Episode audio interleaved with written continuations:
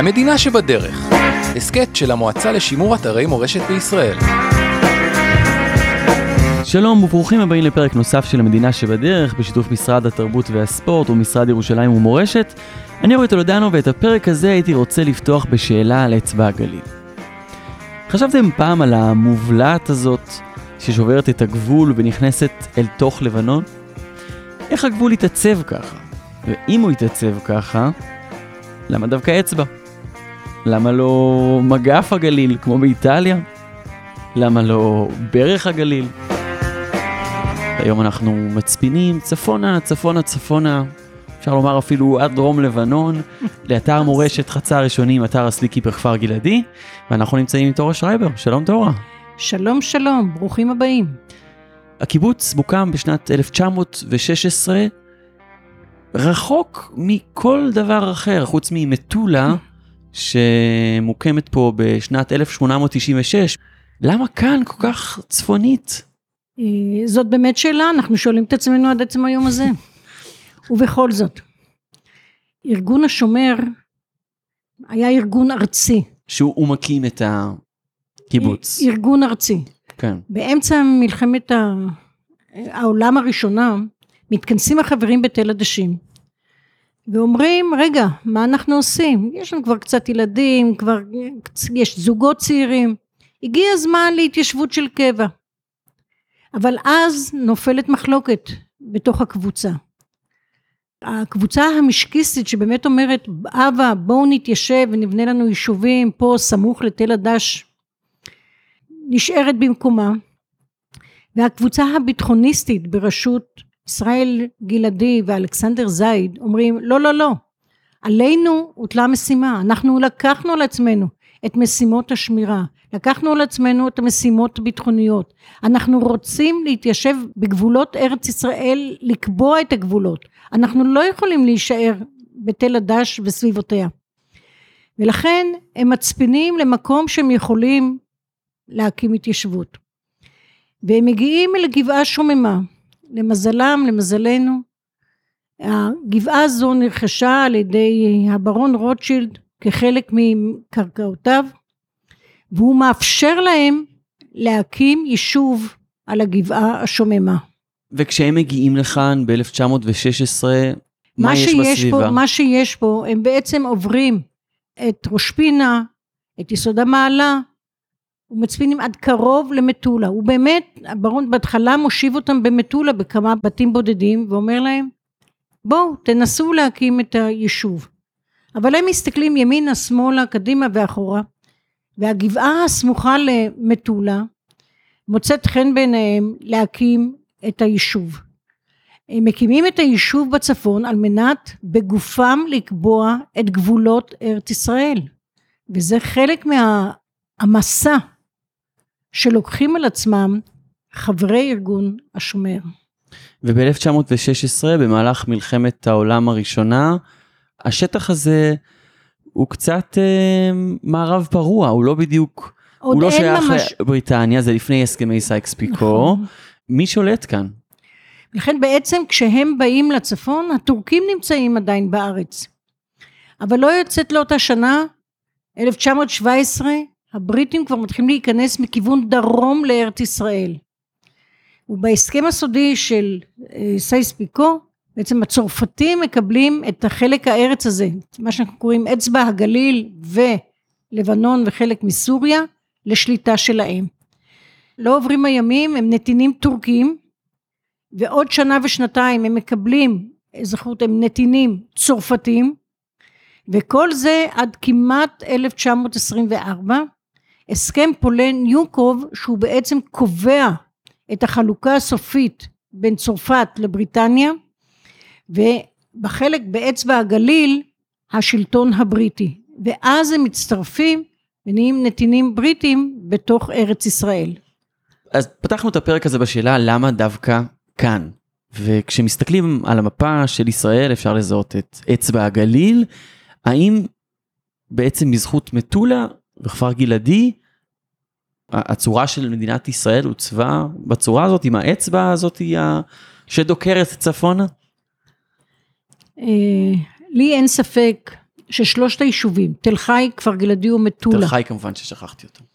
אה, היו גורם שעיצב את גבולה הצפוני של ארץ ישראל ואחרי כן של מדינת ישראל. והראיה שבשנת 2000 שצה"ל השיג את כוחותיו דרומה והתלבטו איפה יוקם קו המוצבים החדש של מדינת ישראל, חזרו בדיוק לאותו קו שנחתם ב-1924, שהולך ממטולה על רכס נפתלי למשגב-עם, הולך למנרה, יפתח וחותך מלכיה לראש הנקרה. זאת אומרת, קו הגבול הזה לא השתנה, הוא נשאר שריר וקיים. כן. והחיים היו חיים על הגבול.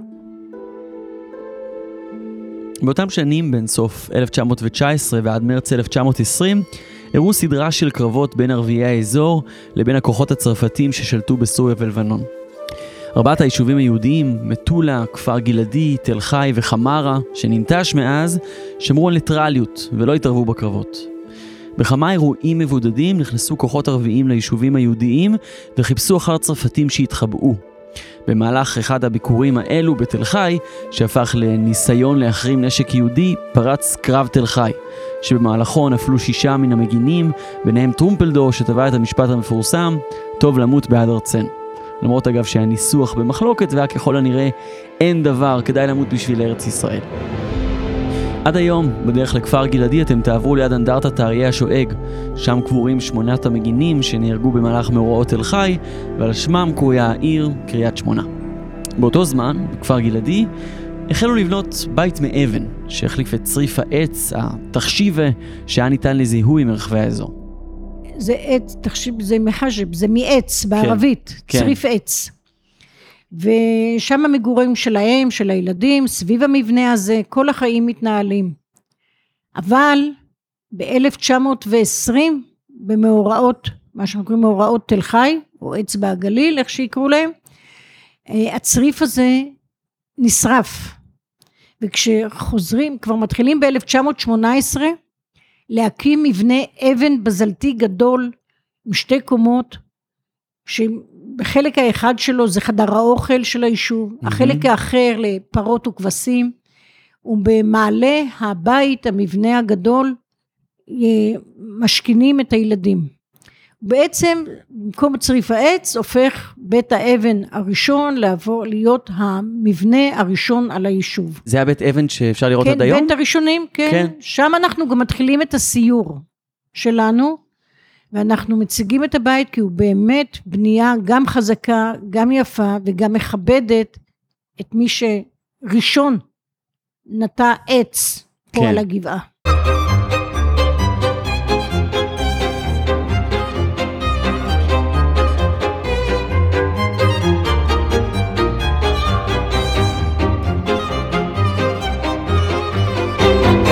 הזכרנו את מאורעות תל חי, אבל חשוב להבין שהיו קבוצות שונות של ערבים באזור. ולעיתים היחסים היו גם יחסים חמים. אחד הדברים המיוחדים של אנשי השומר, כשהם הגיעו והתיישבו פה בגבולין, הם אמרו, אם יש פה תושבים אחרים, הם כבר פה, אנחנו צריכים להתיידד ולרכוש את האמון שלהם, כן. והם משקיעים הרבה מאמץ כדי להכיר את תושבי הסביבה. אה, משקיעים מאמץ כדי לרכוש אמון, הם מבקרים אותם, השייחים מהכפרים מסביב מבקרים בכפר גלעדי או בתחשיבה כמו שהם קראו לזה.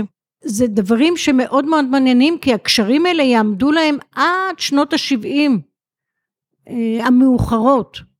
הקשר הטוב הזה עם, ה, עם הערבים ועם לימים מה שאנחנו מכירים ואומרים השים לצערי חלקים מהחיזבאללה היום שיושבים לנו על הגדר. כן. אבל לא, הקטע הזה עם מדהים, הערבים- אבל, זה מדהים ש, שהשיעים היו בתקופה הזו ביחסים כל כך טובים עם, ה, עם היהודים שישבו פה. אפילו אני מכיר סיפור אחד על uh, תקופה שבה השבט השיעי הגדול עברו לגור כאן בכפר גלעדי לכמה זה- חודשים. היה ריב חמולות, זה היה בכפר טייבה.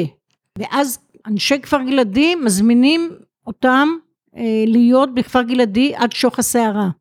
ובאים הנה כמאה אנשים, ביישוב כולו אין אה, מאה איש. כן. אבל מזמינים מאה איש, את כל החמולה לכפר גלעדי, מפנים להם את מקום המגורים של הילדים בבית הראשונים בקומה העליונה, והם חצי שנה גרים פה עד שיש סולחה והם יכולים לחזור חזרה לטייבה. מה שמעניין לנו שבמאורעות תל חי, כאשר פינו את אצבע הגליל אחרי הקרב הנורא ואחרי הנפילה של ששת הלוחמים הגיבורים בתל חי, כל היישוב מתפנה לחצי שנה, לשבעה חודשים. כן. וראשית לכל מפנים את כולם דרך הרי נפתלי וצועדים לכפר טייבה ושם השייח מקבל אותם במאור פנים הוא שומר עליהם הוא מלווה אותם למחרת את כל ההליכה שלהם דרך רכס נפתלי עד שהם יורדים לכיוון ראש פינה. שנה לאחר מכן יש את מאורעות תרפ"א ב-1921, ומאוחר יותר את מאורעות תרפ"ט ב-1929, בטבריה נרצחים יהודים, ופה לא. ופה לא. תשמע, אני לא יודעת לנתח את זה היסטורית, מה הם אמרו ומה הם עשו. אני כן, כן יודעת שאנשי שומר עשו מאמצים גדולים ליחסים הבין אישיים שלהם. אה, הכפרים היו לפעמים אוהב, לפעמים אויב, אבל זה לא, לא הפריע להם לעשות את המאמצים, היו פה אנשים ערביסטים, מה זאת אומרת? העבודה שלהם הייתה לקשור קשרי ידידות עם השייחים ועם החמולות מסביב, בכפרים אה, מסביב לתחשיב, מסביב לכפר גלעדי, מטולה. והיחסים האלה נגעו גם לילדים. היה בית ספר, באבל בית מאחה, אבל, היה כפר נוצרים, מוסלמים, לפעמים אוהב, לפעמים אוהב. הקשרים היו מאוד טובים, ובעיקר של ילדי בית הספר. ילדי בית הספר בכפר גלעדי היו מתארחים בכפר שלהם, בבית הספר, והם היו באים להתארח פה. כן. הייתה ליגת כדורגל בין כל כפרים ערביים וילדי כפר גלעדי. שיחקו ביחד, בילו ביחד. אה, כשברחו או רצו ככה להשתעשע, הילדים היו רצים אה, לכפרים והיו שם משחקים. הטיולים שלהם היו לכפרים. זאת אומרת, היו יחסים, יחסי שכנות, ויחסי שכנות טובים, טובים מאוד, שלמרבה צערנו, באמת אה, בשנות ה-70, הוקם חיץ והגבול נהיה מגבול, מגבול שקט ואוהב לגבול אה, חם. כן. אה, אני רוצה לחזור חזרה לתקופה הזו של שנות ה-20-30 והיחסים בין היהודים לערבים. יש סיפור מעניין על הכבוד שרכשו לנשות הכפר. נכון. כפר גלעדים היה מחסור גדול במזון, באוכל, ברפואה, בסניטציה.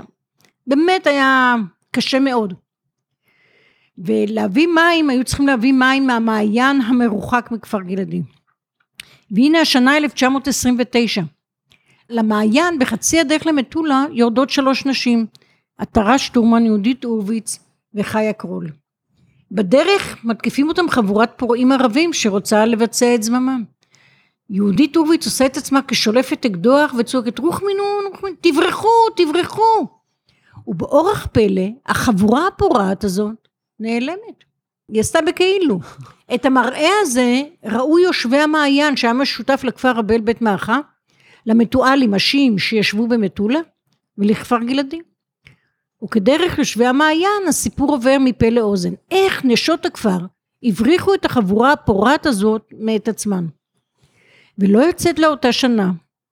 לכפר גלעדי מגיע מוכתר המוכתרים של הכפר אודייסה, סעד אל-דין שתילה. הוא בא אל המוכתר של כפר גלעדי, נחום הורוביץ. פותחים שולחן, מדברים, צוחקים, עושים.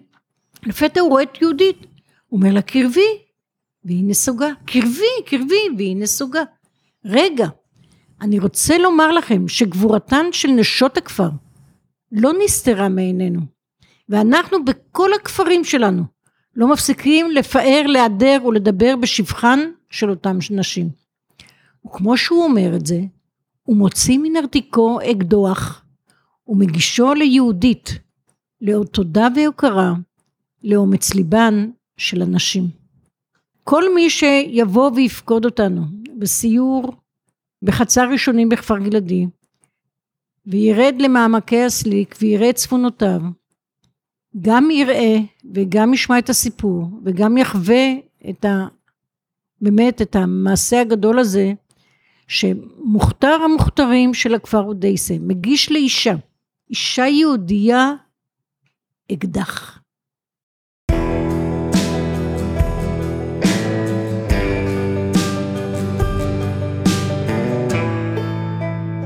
דיברנו על ראשית תקופת ההתיישבות באזור הזה, 1916 באצבע הגליל, קצת מערב הפרוע, אבל אחד הדברים המעניינים בכפר גלעדי היא תרבות החזקת הנשק, וגם תרבות החבאת הנשק.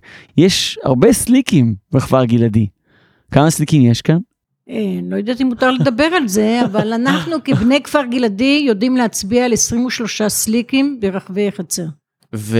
אבל יכול להיות שיש פה יותר סליקים, נכון? נכון, יש כאלה שעדיין לא נמצאו, ועוד יבוא יומם. ואת הסליק האחרון שאתם פותחים לציבור, אתם פותחים בשנת 1996. נכון, גם זה לא, לא היה פשוט כל כך. כמעט 50 שנה אחרי קום המדינה. איך זה יכול להיות ש-48 שנה לאחר שהמדינה מוקמת, ועדיין חברי קיבוץ כפר גלעדי שומרים אה, נשק לעצמם ולא מחזירים אותו לצה"ל, ש- ש- לא, שהוקם לא. כמעט 50 שנה לפני כן. אה, בתחילת שנות החמישים, בן גוריון נתן את ההנחיה להעביר את הנשקים לצה"ל, יש לנו כן. כבר אה, ביטחון מוכרז. צבא, ארגון, ארגון אה, ביטחוני, צבא, צה"ל, צבא הגנה לישראל. כן. ובאמת מעבירים הרבה הרבה נשקים לצה"ל, וקצת עדיין נשאר במחסן.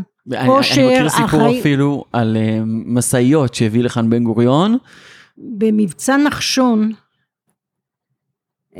החליטו שמאגמים הרבה נשק וכוח אדם כדי לפרוץ את הדרך לירושלים. כן. זה מבצע ארצי, מבצע גדול, ויחד עם זה הוציאו גם את הכוחות המרכזיים שהיו בגליל להגנת הגליל. בן גוריון שיודע שבכפר גלעדי יש הרבה נשק, הוא שולח עם יוסף אבידר שבע משאיות לכפר גלעדי להביא נשק. יוסף אבידר בא לכפר גלעדי והחבר'ה אומרים לו תשמע זה לא הזמן. הוא אומר לבן גוריון בן גוריון הם לא נותנים. אומר לו בן גוריון יוסף חזור לכפר גלעדי ואמור להם שאם הם לא יביאו אם לא ייתנו נשק אני מוציא את כפר גלעדי ממפת ארץ ישראל. עושים עוד חשיבה ומחליטים להעביר עוד קצת נשק לטובת מבצע נחשון. כן. אבל uh, ברור שלא נותנים את הכל, כי אם ייתנו את הכל, מה יהיה פה? אז א- משאירים... אבל רגע, אני רוצה לדבר על התפיסה הזו. הרי בסך הכל זה נכון ש- שאצבע הגליל היא, היא יישוב ספר, אבל, אבל יש צבא שאמור להגן עליו. אין עדיין צבא, זה הכל צבא שבדרך, אנחנו מדברים על 48. בכל הגזרות יש מלחמה.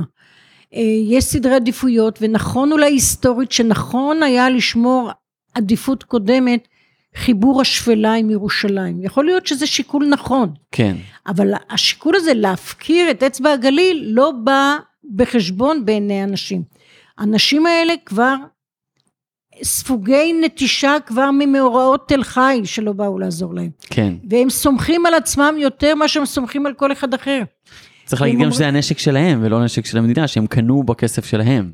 או, קנו או... או... הם, הם הרימו, דאגו, הם דאגו כן. שיהיה להם נשק בכל הזמן, כי הם ידעו שזה מאזן האימה. שאם אין נשק, זה אף אחד לא יוכל להרע להם, ויותר מזה, אם חס וחלילה אצבע הגליל תותקף, הם יוכלו לעבור לעזור. כי לא היה מי שיעזור, וכשהיו פה פלמחניקים, הם באו הנה עם מקלות, לא, לא היה. מי שנתן להם נשק, או מאיפה שהם לקחו נשק, במילים אחרות סחבו נשק, זה היה מכפר גלעדים. כן. בזה הם הצטיידו.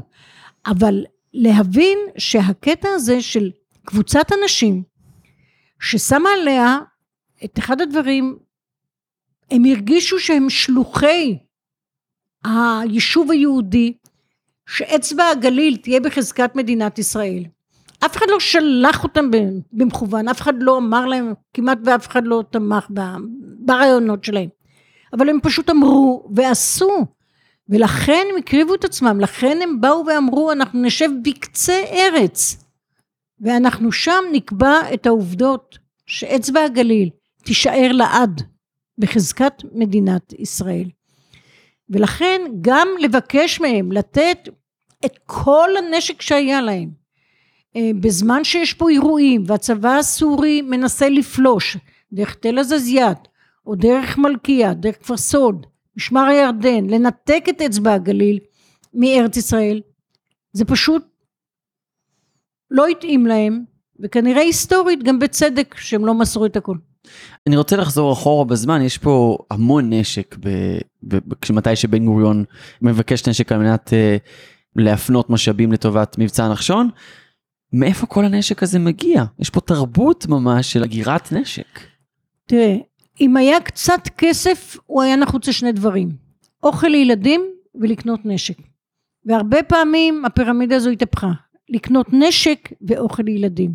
כי הם ידעו שזה מה שיציל אותם, וזה מה שייתן את הביטחון, ויהיה גם, אה, אמרתי קודם, אני אגיד מאזן האימה מול כן. הקבוצות הערבים והיישובים הערבים האחרים ויש פה כמה שהיו בסביבה. מסורות נשק מעניינות, כמו זה שילד שחוגג בר מצווה מקבל גם נשק במסגרת החגיגה הזו. עד היום, כל ילד, נער ונערה, שיש להם בר מצווה, מקבל ספר תורה, באופן סמלי גם נשק, שאחר כך מחזיר אותו, אבל הוא בזה נכנס לשבט כפר גלעדי.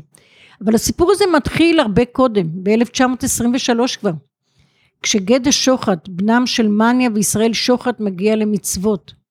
והם מתלבטים איך לחוג לו, מה, מה עושים? אז הם מכנסים את כל אנשי השומר על הגבעה ממול בתוך מערה, לאור לפידים, מקיימים שם טקס, מכניסים, משביעים אותו על כניסתו לתוך הארגון, ונותנים לו שלוש מתנות. ספר תורה, אקדח ושיח. על שלושה דברים העולם עומד, על התורה, על הביטחון ועל העבודה. הטקס הזה המשיך ונוהל בכפר גלעדי עד הקמת המדינה. Mm-hmm. כל נער ונערה התאמנו בנשק, למדו וקיבלו נשק וספר תורה, את השיח הם שכחו, אל תספרו לאף אחד. ואחרי הקמת המדינה הטקס הזה המשיך, המשיך ועדיין ממשיך להיות טקס סמלי, שמקבלים את ספר התורה ונשק. צריך להבין איזו חשיבות היה לטקס הזה לחברי קיבוץ כפר גלעדי, שלפעמים אה, גזבר הקיבוץ, אם לא היה מספיק כסף אה, בשביל לקנות נשק, היה לווה כסף עבור הקנייה של, ה, נכון, של אותו נכון, האקדח. נכון, נכון. ויש לנו בנים שקיבלו את זה בבר מצווה. ואחרי כן שהתגייסו לפלמ"ח ביקשו את הנשק אליהם והאקדח שימש אותם פלמ"ח ואחר כך בכל מלחמות ישראל זה האקדח שהם קיבלו בבר המצווה. אבל בניגוד להיום שצריך לשים את הנשק בכספת באותו זמן אם היית נתפסת עם נשק היית כנראה אה, עומדת בפני גזר דין מוות. איפה שמים את כל הנשק הזה ואלו הם הסליקים. כשהתווסף הרבה הרבה נשק ומסביב בריטים וצרפתים וערבים וחברי ההגנה וחברים שלהם שהם לא שותפים בסיפור, בסיפור הביטחוניסטי. אה, מחליטים שהגיע הזמן לחפור מסתור לנשק. המסתור הראשון נבנה ב-1922, שלוש מתעצם. בעצם המחתרת הראשונה, קיבוץ החשאי, חופרים מסתור בקצה חצר כל לילה בין עשר לשתיים ואחרי הרבה הרבה תלאות מסיימים את חפירת הסליק, שמים את הנשק, בא לציון גואל. הסליק הזה עומד ככה בשיממונו כיוון שקיבוץ החשאי מתפרק כן. וגם אין אירועים ביטחוניים אה, דרמטיים. מתי נזקקים לו? במאורעות תרפ"ט. חברון אוי יפו ברוך חיפה אוטוטו נופלת פחות ממאה רובים ואקדחים בכל כולה של חיפה באים ממפקדת הגנה לכפר גלעדי ואומרים תנו לנו נשק חיפה נופלת הם חושבים וחושבים וחושבים אחרי ויכוחים מקבלים החלטה להעביר נשק. וזה לא משימה קלה להעביר נשק. מי שלוקחת על עצמה את המשימה הזו אישה קטנה גדולה מניה שוחט. שוחט. היא עצמה, לא אותה חלוק של אחות רחמניה, לוקחת טנדר, מסיבה אותו לאמבולנס עם תחתית כפולה, מושיבה את בן אחיה כנהג, עוד פצוע מדומה בתוך הטנדר, ומתוך הסליק מוציאה מאות מאות רבים של נשקים, ודוהרת דרך העמקים לחיפה. בצ'ק פוסט ביקורת קפדנית. מניה חוששת שהיא לא תצלח לעבור את המחסום של הבריטים. התשפיל מניה ראשה. חלילה. חלילה. מניה שולפת מכיס החלוק סכין, היא פוצעת את עצמה. היא חורצת חריץ לפצוע מדומה. המון דם עושה המון רושם. מהר מהר לבית חולים. והיא ממהרת למפקדת ההגנה, מה שהיום הטכנודה, טכניון הישן. למעלה מ-350 רובים, אקדחים ומקלעים. וואו. מועברים מכפר גלעדי לחיפה במאורעות תרפ"ט. נשק שלטענת ההיסטוריונים החיפנים הציל את חיפה באותם ימים.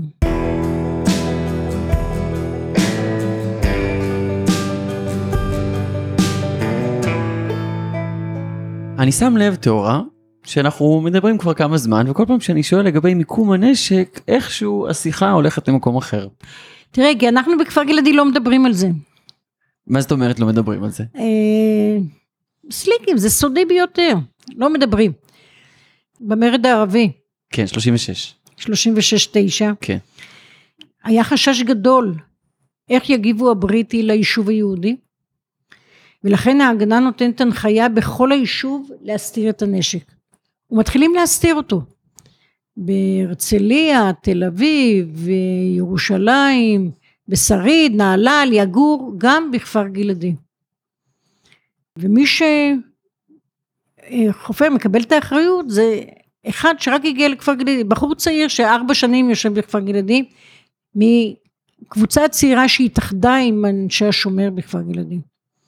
אברשה שמו. הברשה. אברשה שמו. מאיפה, מאיפה מגיע הברשה? הוא מגיע מאחת מהארצות הבלטיות. ואברשה מסתובב בחצר הגדולה לחפש איפה לבנות את מחסן הנשק המרכזי בכפר גלעדי. לבסוף מחליט להיכנס למחסן החקלאי. וואו, אני מגלה לכם יותר מדי סודות. במחסן החקלאי עובד מי שאחראי על המחסן, הוא שימלה, חבר שלו מאותה תנועת נוער. והוא אומר לו, שימלה, אני הולך לעשות לך במחסן איזה דבר שלא מדברים עליו. ובאמת, ברגע שהוא אומר לו לא מדברים, שימלה לא מדבר, אף אחד לא מדבר. ובלילות, במשך קרוב לשנה, בין 12 בלילה ל-5 בבוקר, קבוצה מאוד מצומצמת של אנשים, חופרים, יוצקים, מרצפים, מכינים את הסליק, את המסתור לנשק, ולימים זה היה המחסן נשק המרכזי, אבל כדי שלא יבואו אנשים לשמור על המידור, הם הקימו עוד הרבה סליקים אחרים יותר קטנים, ואת הנשקים היו מביאים למחסנים הקטנים. בעצם על מנת לשמור על מידור, כל מי שהיה אחראי על סליק קטן, אבא שלי שהיה אחראי על סליק בפרדס, לא ידע על אף סליק אחר. כן. על ידי זה המידור נשמר, המחסן המרכזי לא התגלה, וכך המשיך המחסן המרכזי אה, את תפקודו עד הקמת המדינה ולאחריו. שמי שהיה אחראי, אושר גליק, הוא המשיך לטפל בנשק עד בכלל, עד שנות ה-70 המאוחרות, או אז הייתה שריפה גדולה בחצר, הרפתות נשרפו, המדבנים עלו באש, באמת הייתה שריפה נוראית, ועוזבים את כל שטח החצר למקום אחר. אבל נשאר הסליק, ואושר אומר מה אני עושה? הוא מחליט שהגיע הזמן לספר לשלטונות. באיזה שנה אנחנו נמצאים? 77. הגיע הזמן לספר לשלטונות. איזו אושייה שלטונית גדולה הוא רץ? למשטרה? לא. לצבא? לא. משרד הביטחון? לא. למועצה האזורית? לא. למזכיר קיבוץ כפר גלעדי. למזלו ולמזלנו, מזכיר הקיבוץ באותה עת זה גדעון גלעדי, הנכד של ישראל גלעדי. כן. הוא מכיר את הסיפור, הוא היה עוד בילדותו, הוא עוד קצת, קצת חושי, החושים המחודדים של בני כפר גלעדי, של השובבים מביניהם, מצאו את הסודות הגדולים, אבל לא דיברו, כי אס פנתאיר, כן. לא מדברים על זה. אבל כשאושר מעביר לגדעון את המפתח, גדעון נהיה אחראי. אבל שוב, רק אם בא מישהו חשוב לכפר גלעדי, הוא נחשף אל הסוד הגדול. אנשי כפר גלעדי לא יודעים. ורק בחג המשק, ה-80 לכפר גלעדי, שנת 1996, לא יאומן. קיבלנו החלטה שהגיעה העת לספר, פתחנו את המקום, הראינו לחברים, התרגשות גדולה, באמת אה, הייתה התרגשות עד כדי כך שעוברת אישה שהגיעה לכפר גלעדי בעלייה הגרמנית ב-1936. והיא עומדת עם בתה והן מסתכלות והבת אומרת לה אמא את באמת לא ידעת? והאם עונה לה לא אני חדשה פה. 60 שנה 70 שנה היא לא יכולה לדעת כי היא חדשה. אז מסתירים את הנשק ורק אם במקרה מישהו עולה על, על סליק או משהו אז לפעמים מספרים והרבה פעמים לא מספרים. אבל כאמור אנחנו יודעים לסמן על 23 סליקים ברחבי חצר כן. זהו אז יש את הסליק הראשון של המחתרת שנבנתה ב-1922-3 ויש את הסליק הגדול השני שנחפר ב-1938-9 שזה הסליק זה הסליק שנמצא... השומר זה במחסן. זהו, אני... במחסן. אני ראיתי אותו, ויש שם מנגנון מאוד מחוכם. אני חושב שאפשר לדבר על הבריטים שניסו למצוא אותו ולא הצליחו.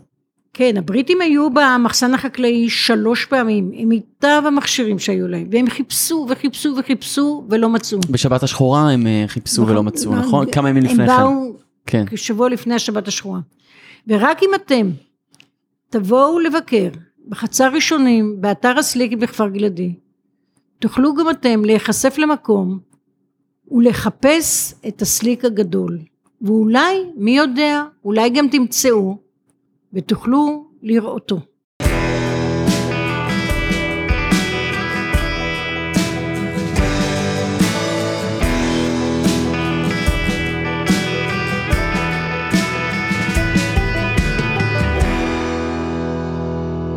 שנה לפני שבת השחורה יש פה אירוע מאוד מעניין של מעפילים שנתפסו פה באזור והובאו לכפר גלעדי והגיעו הצבא הבריטי לתפוס אותם. ויצאו חברי כפר גלעדי בנשק גדול ולא נתנו להם. מה קרה שם בדיוק? בשישי לאוקטובר 45 הגיעה קבוצה של כ-70 איש מעיראק. הם כבר בדרכים הרבה זמן, הם כבר לא יכולים לשהות בלבנון, ואנשי הפלמ"ח מחליטים שהם יוציאו אותם מלבנון, מתחילים ל... אה, לנוע לעבר ארץ ישראל. מודיעים איש הפלמ"ח יהושע בהרב מודיע לחברי כפר גלעדי, לאלישע, הוא גרישה, איש הביטחון, שבליל שבת תבוא קבוצה של 70 איש, נא לחכות להם על יד הגשר של הרומים במען ברוך. וכשהוא מגיע לשם עם 70 איש, זה משפחות, זה נשים, זה תינוקות, זה ילדים, הולכים, בוכים, כבר אין כוח, זה... אף אחד לא מחכה להם. הוא מחכה עוד איזה זמן, אולי יראה מישהו מגיע לנקודת המפגש, ואיש לא מגיע. ואז בהחלטת מפקד הוא מחליט ללכת לכיוון האורות, לכיוון כפר גלעדי, אולי ימצא בדרך מישהו שיחבור לקבוצה. כשהוא מוצא הוא בדרך. מגיע לפנות בוקר לא מי שרוצה למצוא בדרך. למרגלות כפר גלעדי, אה, בין אה, שדה תירס, מסתיר את האנשים, והוא ממהר לכפר גלעדי להזעיק עזרה. עוד הפעמונים בכפר גלעדי מצלצלים, תולעים בגן הירק, תולעים בגן הירק, זה היה אה, שם קוד למעפילים שמגיעים. כל היישוב, נשיו, ילדיו, כולם רצים אל פרשת הדרכים אה, לקלוט את העולים ולהעלות אותם לכפר גלעדי. סיור של הבריטים רואה את התכונה, עולה למטולה ומזעיק עזרה. ואז מגיעים השריונים הבריטים, מקיפים ומכתרים את כפר גלעדי, מבקשים לקבל את העולים שזה עתה הגיעו. אנשי כפר גלעדי יוצאים אליהם בנשק שהוצא מהסליקים ואומרים להם אנחנו לא ניתן לכם אף אחד. הבריטים די כועסים ובינתיים מתחילה להגיע עזרה מיישובי הסביבה, מתפתח קרב, נפצעים כמה אנשים. הדבר הזה מגיע עד לנציב העליון שמורה לצבא הבריטי או לחיל הספר, למפקדים היו בריטים, החיל הספר היו גם אחרים, מורה להם לפנות את המצור מכפר גלעדי ולהתפנות. כן, צריך להגיד, 1945 הדבר האחרון שחסר לו זה עכשיו אה, קרבות נכון. ירי בין אה, נכון. בריטים ליהודים. ואז מוצאים את האנשים, מביאים אותו למרכז ארץ ישראל. אבל היישוב בארץ מאוד חורה לו הדבר. שהבריטים יוצאים נגד מעפילים שאך זה הגיעו בנשק מזוין ואחרי יומיים בליל התשיעי לעשירי לאוקטובר 45 פעולת הנגד הראשונה מתחוללת שהפלמ"ח פורץ את אה, מחנה עתלית ומשחררים משם למעלה מ-200 עצורים ומתחיל מסלקים אותם דרך בית אורן מורידים אותם ליגור ומי שמכיר את שירו של יורם טהרלב צל ומי באר בדיוק מספר איך קולטים אותם בקיבוץ יגור. כן, שעל זה תוכלו לשמוע על הפרק שלנו על מחנה המעפילים עתלית. אבל זה באמת הפעם הראשונה של התגוננות של היישוב היהודי בנשק חי נגד הגזרות של הבריטים של מניעת ההעפלה לארץ ישראל. בעצם המעשה הזה של כפר גלעדי, ההתגוננות בנשק והגנה על המעפילים שהגיעו בלילה, מראה על מעשה מקומי, אירוע מקומי, שהופך לאירוע ארצי בפריצת מחנה עתלית. התחלנו לדבר על הסיפור ההעפלה שהשתבש ב-1945, אבל זה ממש לא סיפור ההעפלה היחיד, נכון? כפר גלעדי הייתה מאוד מעורבת בסיפור ההעפלה, ספציפית ההעפלה היבשתית שזוכה לפחות תשומת לב תקשורתית. לכאורה נדמה שההעפלה הבלתי לגלית נגד גזרות הבריטים של אי, אי כניסה של יהודים לארץ ישראל התנהלה רק באמצעות האוניות והסירות ועל פני הים. המעשה הזה היה באמת מעשה גדול שכל היישוב מתגייס להביא את שארית הפליטה אה, מאירופה ועומדים פה נגד הבריטים שמתגונים אבל כל זה מתחיל ב-1934 ומתעצם מ-39 צפונה. אבל להבין שכאן בקצה ארץ אצבע הגליל שאנחנו מדברים עליה החל מ-1919 קבוצת קטנה של אנשים קשי יום עוסקת בנוסף לסיפור של ההתיישבות ולחקלאות וההישרדות והחיים בבדידות הזו עוסקת גם בהבאת עולים בדרך לא דרך כאשר כפר גלעדי הוא הבית אה, הראשון שלהם המקום הראשון שהם דורכים בארץ ישראל כן. זה באמת סיפור ענק זה סיפור של שלושים שנה שיישוב בודד בקצה ארץ אומר אם יש ולו יהודי אחד החפץ להגיע את גבולות ארץ ישראל עלינו הוטלה המשימה. אף אחד לא הטיל עליהם אף אחד לא אמר להם אף אחד לא ביקש מהם. הם פשוט אמרו ועשו. ולמה הם איך זה מתחיל? כאשר ב-1919 הם עדיין נתינים צרפתים. הרבה יותר קל לנסוע לצור צידון מאשר להגיע לראש פינה לטבריה או לחיפה להביא אספקה. כן ולכן הקשר הזה עם אה, לבנון הוא קשר חי והוא כל הזמן. ובאחד הפעמים שהם חוזרים עם עגלה עמוסה מצרכים מביירות, בדרך הם פוגשים קבוצת יהודים, הם שואלים אותם, אנשים, מה תעשו פה? מה חפצכם? והם עונים, להגיע לארץ ישראל. אה, ארץ ישראל? בואו איתנו. הם מעלים אותם על העגלה, וככה מתחיל המסלול של הבאת היהודים לארץ ישראל. ב-1923-4 שנחתם גבולה הצפוני של ארץ ישראל הדבר כבר יותר קשה. כי הבריטים פה והבריטים מיענו לאפשר ליהודים להיכנס אנחנו יודעים את הספר הלבן שלהם ב-1920 אנחנו יודעים uh, את ההתנהגות שלהם שהם מעמידים פה אה, אנשים שמונעים את הכניסה לארץ ישראל כי ללא רישיון. ואז הם מחליטים שהם עושים את זה, עוקפים את השלטונות הבריטים, והם מקצים לזה אנשים, וביום הם עובדים, בלילה הם מביאים את האנשים, כוס תה ראשונה, לחם עם ריבה, מלינים אותם בכפר גלעדי יום, יומיים, שבוע, שבועיים, וכשבשלים התנאים, מעבירים אותם למרכז ארץ ישראל. עד 1939 הם כמעט בודדים, הם ומטולה בודדים במעשה הזה. כן. מתחילת שנות ה-40, 44, 3, 4, החוליה של הפלמ"ח נכנסת לעיסוק באותם נושאים ועוזרת, חלקה גרה בכפר גלעדי ועוזרת אה, לאנשי כפר גלעדי או בעצם גם הם באופן עצמאי מביאים מעפילים בדרך לא דרך, דרך משמרות הבריטים. לימים אחד מאנשי החוליה שיושב בכפר גלעדי הוא חיים פיינר, חיים חפר, mm-hmm.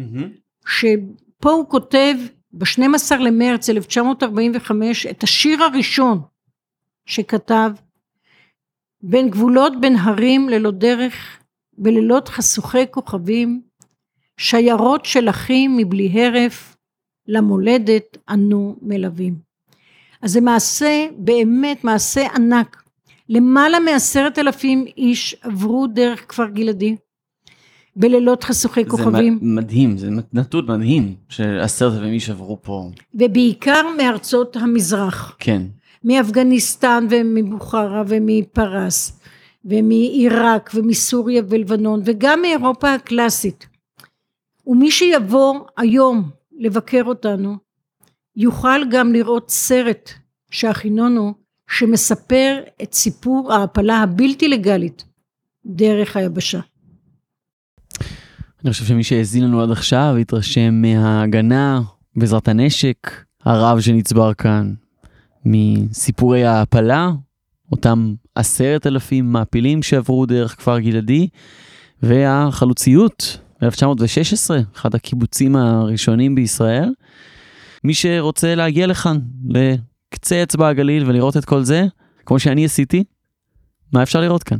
היום אה, מי שיבוא יוכל לראות גם, אנחנו קוראים לזה שביל הלולים, אבל הלולים הישנים, שהיו מקום מסתור לעולים שהגיעו בלילות, אה, והיו גם הפרנסה, וגם הייתה הדרך בעצם הישר שחיבר בין תל חי, כפר גלעדי ומטולה, בתור שלושת היישובים הצפוניים, היום הם גלריות, מבנים שהוסבו לגלריות, בית קפה, מבשלת בירה, מקום מאוד מאוד נעים ונחמד לבילוי. איזה בירה יש פה? יש פה אודיס, הם עושים בירה... נחמד. כן, ממש. כן. שוסי ובירה, ממש שוס. תודה רבה לתורה שרייבר, מנהלת אתר חצר ראשונים, אתר הסליקים בכפר גלעדי. כולם כולם מוזמנים, נקבלכם בשמחה. המדינה שבדרך, הסכת של המועצה לשימור אתרי מורשת בישראל. תודה רבה לכם שהאזנתם לנו. אתם כמובן מוזמנים לשים בווייז את אתר הסליקים ולהגיע ולהתרשם בעצמכם. תודה לקרן שרבי שמנהלת את הפרויקט מטעם המועצה לשימור אתרים. תודה ליונתן גל ולשם הפודקאסטים יצירות סאונד על עבודת העריכה. אם אהבתם, אני מזמין אתכם לדרג אותנו חמישה כוכבים באפליקציות הפודקאסטים השונות ולהפיץ בין חברותיכם וחבריכם. אני אורי טולדנו, אנחנו נשתמע בפרקים הבאים, יאללה ביי.